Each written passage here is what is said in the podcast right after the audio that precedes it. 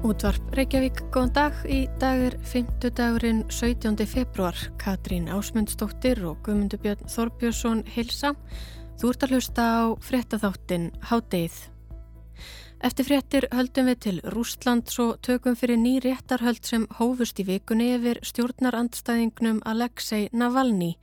Navalny hefur þegar setið inni í rúmt ár en nýjar ákjærur hafa nú verið lagðar fram á hendur honum, ný málaferðli eru hafinn og hann gæti átt yfir höfði sér alltaf tí ára fangilsesvist til viðbótar.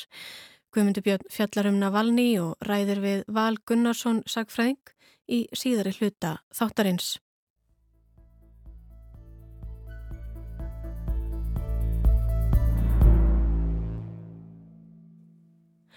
Verbolga, stýrivægstahækkanir, bankaarður, hugsanlegur bankaskattur og ég veit ekki hvað og hvað.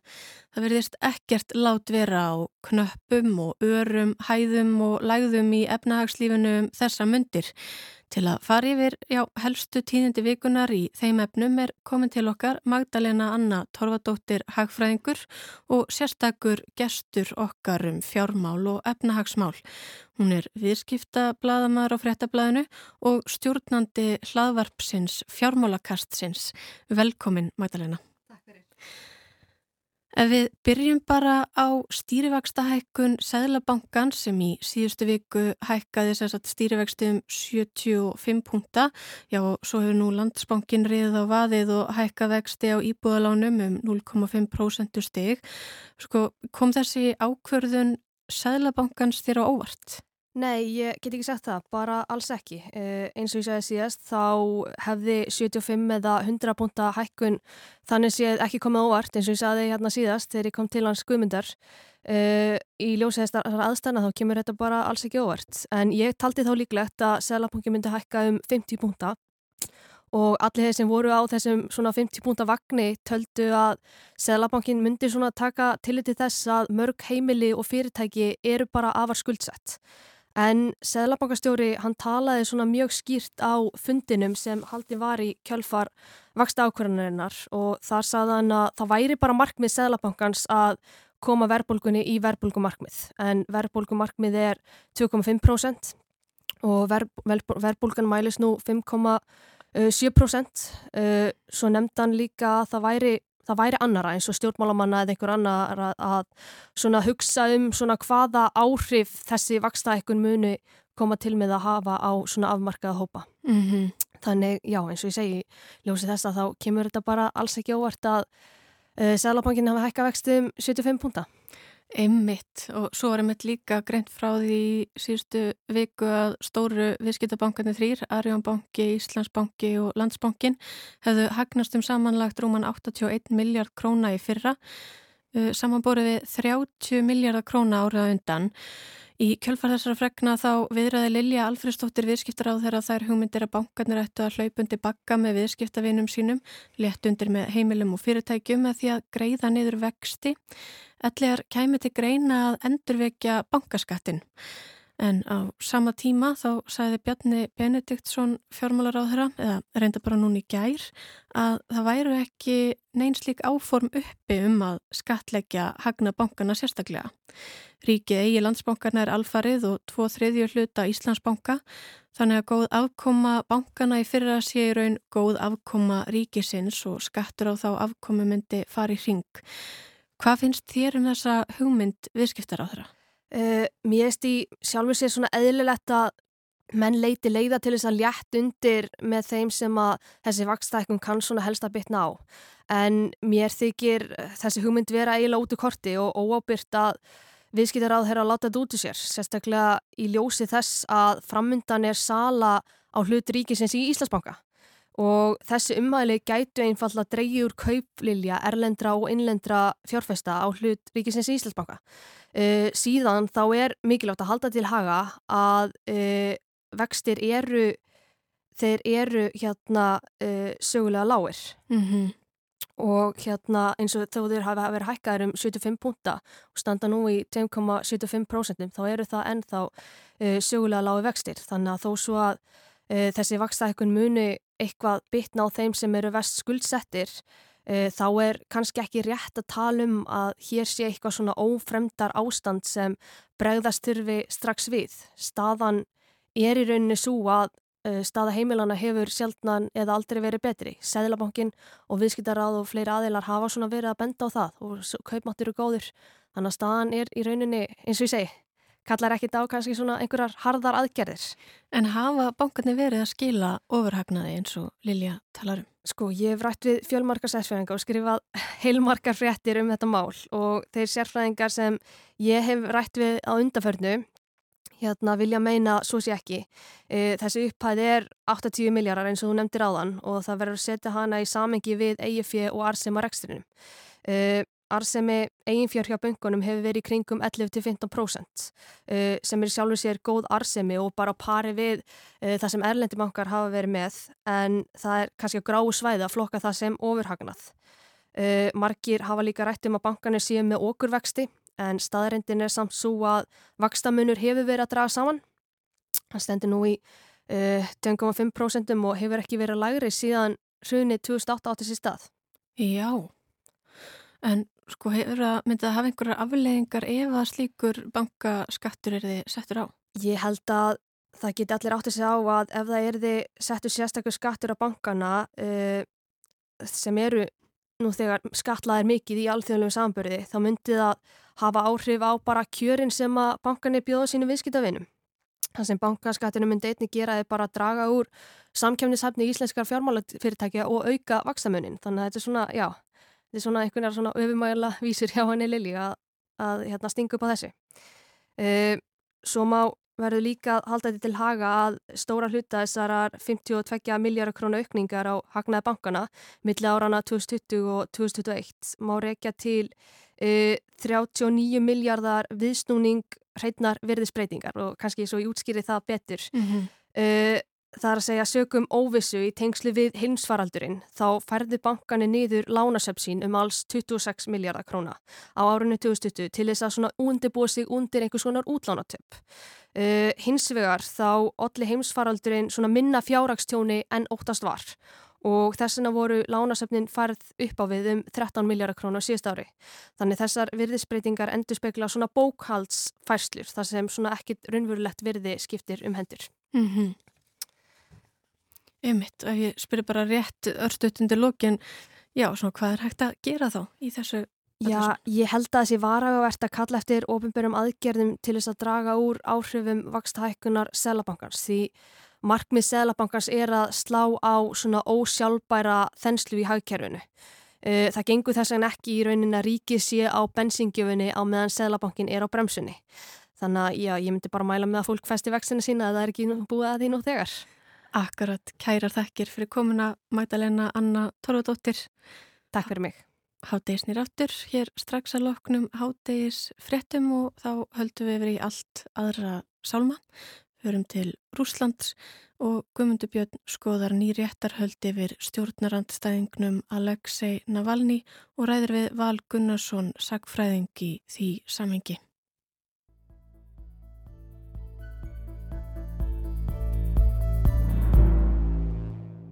Já, spennan á landamærum Rúslands og Úkrænu hefur líklega verið umtalaðasta frettamál síðustu vikna og þótt stjórnvöld í Rúslandi hafi gefið það út að herlið verði dreyið tilbaka frá landamærunum að Úkrænu, taka ráðamenn í bandaríkunum og í Európa-sambandinu því með fyrirvara.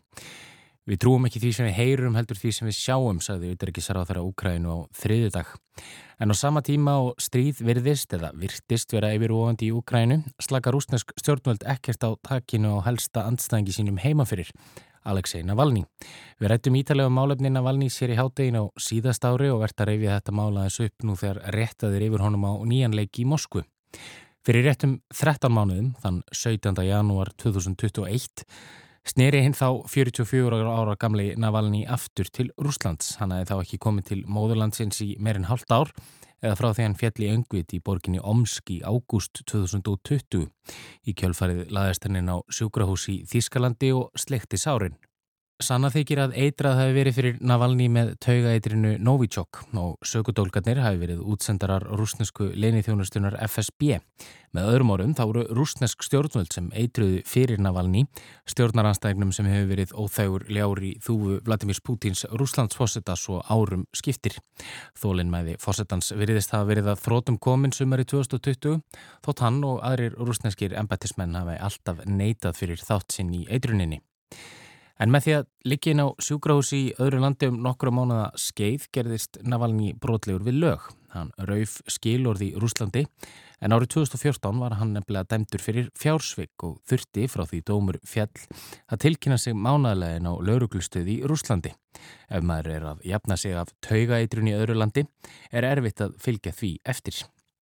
Og við komuna til Rúslands fyrir 13 mánuðum var Navalny því tekin höndum og réttað yfir honum.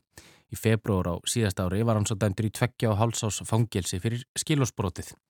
Um tíma fór hann í hungurverkvall í fangelsinu en ákvað loks að fara að ráðleggingum lækna og binda enda á mótmælaselti sitt. Í loka april voru baróttusamtökum Navalnís FPK svo bætt á lista yfir öfga og hriðverkasamtök í Rúslandi.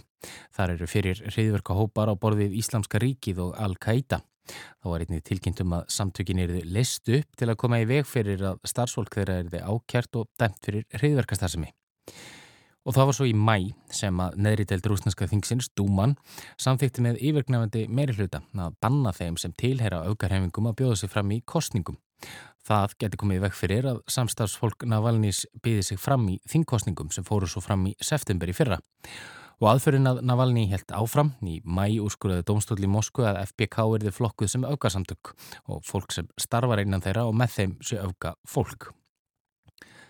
En í ágúst veitti Alexei Navalny svo fyrsta viðtalið úr fangilsinu og það við New York Times.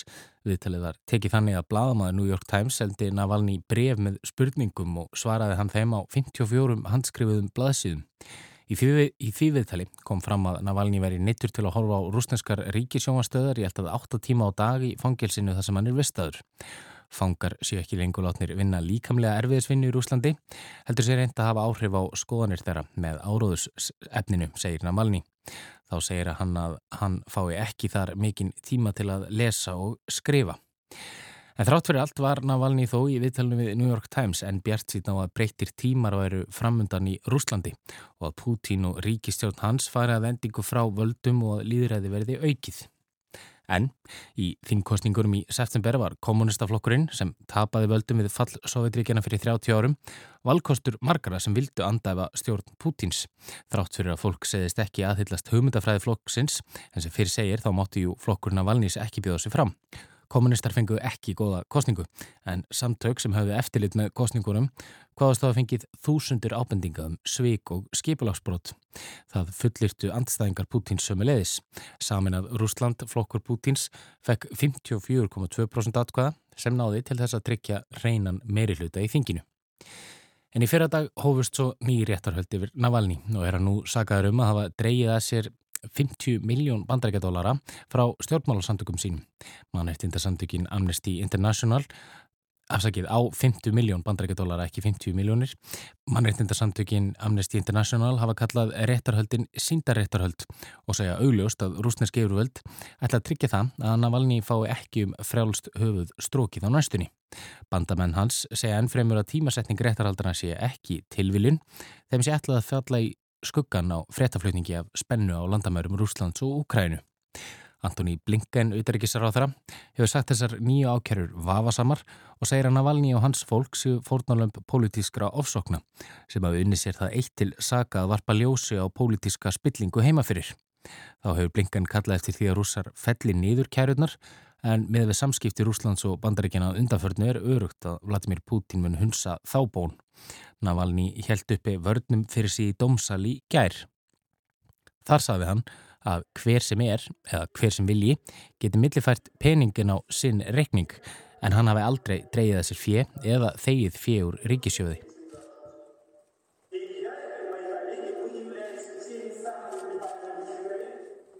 Ég rætti við Val Gunnarsson, sakfræðing og sérfræðing í málöfnum Rúslands nú rétt fyrir hátti um þessi nýju réttarhöld yfir Navalny og hvað þau segja okkur um stöðu andofsfolks í Rúslandi. sko andofsópar og hafa átt erfiðar uppdráttar undir hvernig árum. Það er smá sem að vera að herða tökinn því að ólíkt Sovjetríkjunum þá, þá er ekki bein rittskoðun í Rúslandi. Það er hægt að segja hvað sem er. Um, ég var hérna í, í oktober og það var út í, í bókabúða sem var bækur sem er að grína Putin. Það eru vefsýður sem eru veltað fyrir sér heilsufari hans og hérna hvort hans ekki bólusettur vegna með einhvern undirlíkjandi sjúkdóm og við svolítið verðist hann ekki verið bólusettur eins og við sáum þegar hann hitti Makrón hérna og, og allir þessu hlutir sko heyrast en bara ekki mjög hátt og uh, það er eins og einn ein kona sagði mér hann í oktober, hann hefði ágjör á sinni sínum að því að hann var svo mikið á móti Pútín. Sjálf var hann á móti Pútín en bara ekki jafn mikið. Mm -hmm. þannig að þetta er einhver svona lína sem að hérna fólk svona veit af og, og fer kannski ekki yfir nema, nema ja, hann, leifir, hann leifir, já, heimilar einhvers konar andof en, en svo þú ferði yfir lína eins og Navalny að hans mati þá er uh, öllu tjálta til.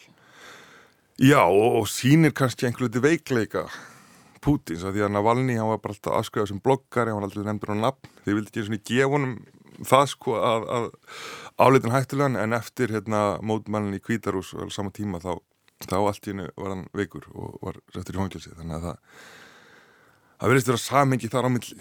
Og þetta, og nú reynda tókst að halda Lukashenko við völd eins og komið er og tókst líka í Kazakstan álíka, en hérna þetta er það sem Putin óttast mjög mikið er, er einhver svona uh, mótmælið brjótist út og hérna og steipi yfirvöldum Mm -hmm, mm -hmm. En hefur þetta eins og komið er ekki, ég menna, rúsar hafa verið betur viðskiptaþingurum út af meðferðinu á Navalny, eh, nú geti farið svo að Navalny verið dæmdur í 15 ára fangist til viðbótar, eh, hefur þetta í rauninni engin teljanlega áhrif á, á Rúsland, hvernig ja, vestræn ríki bregðast við þessum mannreitindabróðum? Nei, og jafnvel þvert á móti, sko, að því að þó að, að vinsaldi Pútin sé ekki mjög miklar og enda líka hefur verið sko það var rosalega efnaðs uh, uppgangur á, á fyrirluta valdafélagsans en núna er búin að vera bara algjör stöðnin og ekki síst út af, út af þessum hérna ég veist þetta þingunum en rúsa er samt náttúrulega saminast alltaf gegn ytri óvinn sko. Og það er svo auðvitað, þetta er alltaf eitthvað sem er alltaf nota til þess að tortryggja menn hérna. Navalni lærði í Yale. Það eitt og sér náttúrulega að gera hann torturgilegan sko. Og um, og mikið á svona samtökum hafa verið eh, bönnuð upp á síkastið og raugin er alltaf, eða þessu suma þetta gangi erlenda er þetta, og, rússar eru einhvern veginn svo vantrúar á alltaf, það er alltaf auðveldast að kenna að trúa því að menn sé að fá penning bara erlendis frá og það útskýri gerði þeirra það er sem ég held að hérna Pútín hafi lært af falli Sovjetríkjana er að það er erfitt að fá fólk að trúa en það er auðvelt að fá allir evast mm -hmm. og uh, hann skáka svolítið stjóli þess ekki það að allir trúi honum eða ég að heldur bara þegar allir evast um allt þá verður hann einhvern veginn skásti kosturinn. Hann er alltaf hana hann er aðna og hann urist á stjórnan hlutunum og, og en það er þetta evast um allt annað. Þegar hann að gera hann að valni að svona fyrirmynd og sína uh, svona fer fyrir þeim sem að ja, raunverulega gaggrina mig og, og fara yfir strikið. Já, já, ég held að, að það sé engin vafi og hérna sko, þó, þó að hann að valnileg sé náttúrulega óbúslega hugrakkur og gangi sjálfviljur inn í ginn bjarnareins þá um, þá verist þú sem ekki það ofbóðið að það hafi uh, leist neitt úr læðingi. Þannig að frá sjónarlega Pútins verist bara talsett örökar að hafa Navalni lestan inni heldur hann að hafa gangandi lausan sko. Af því að ég held að ef hann verið sleppt lausum þá myndi það lítið út eins og sigur Navalnis yfir Pútin og það kannski er, er ekki það sem Pútin vil Sæði Valur Gunnarsson, sagfræðingur og sérfræðingur í málöfnum Rúslands og já, það er ljóst að Vladimir Putin, Rúslandsfósiti, hefur nóað hugsun þessa dagana. Ekki bara spennuna á landamærum Rúslands og Grænu heldur líka sinn helsta andstæðing Alexei Navalny. En hádegið er á enda í dag, við verðum hér áttur á sama tíma á morgun. Þátturinn er einnig aðgengilegur í spilaranum og hlaðvarpsveitum. Þá er þetta að senda okkur post með ábendingum á netfangið hádegið hjá rúf.is. Verið sæl.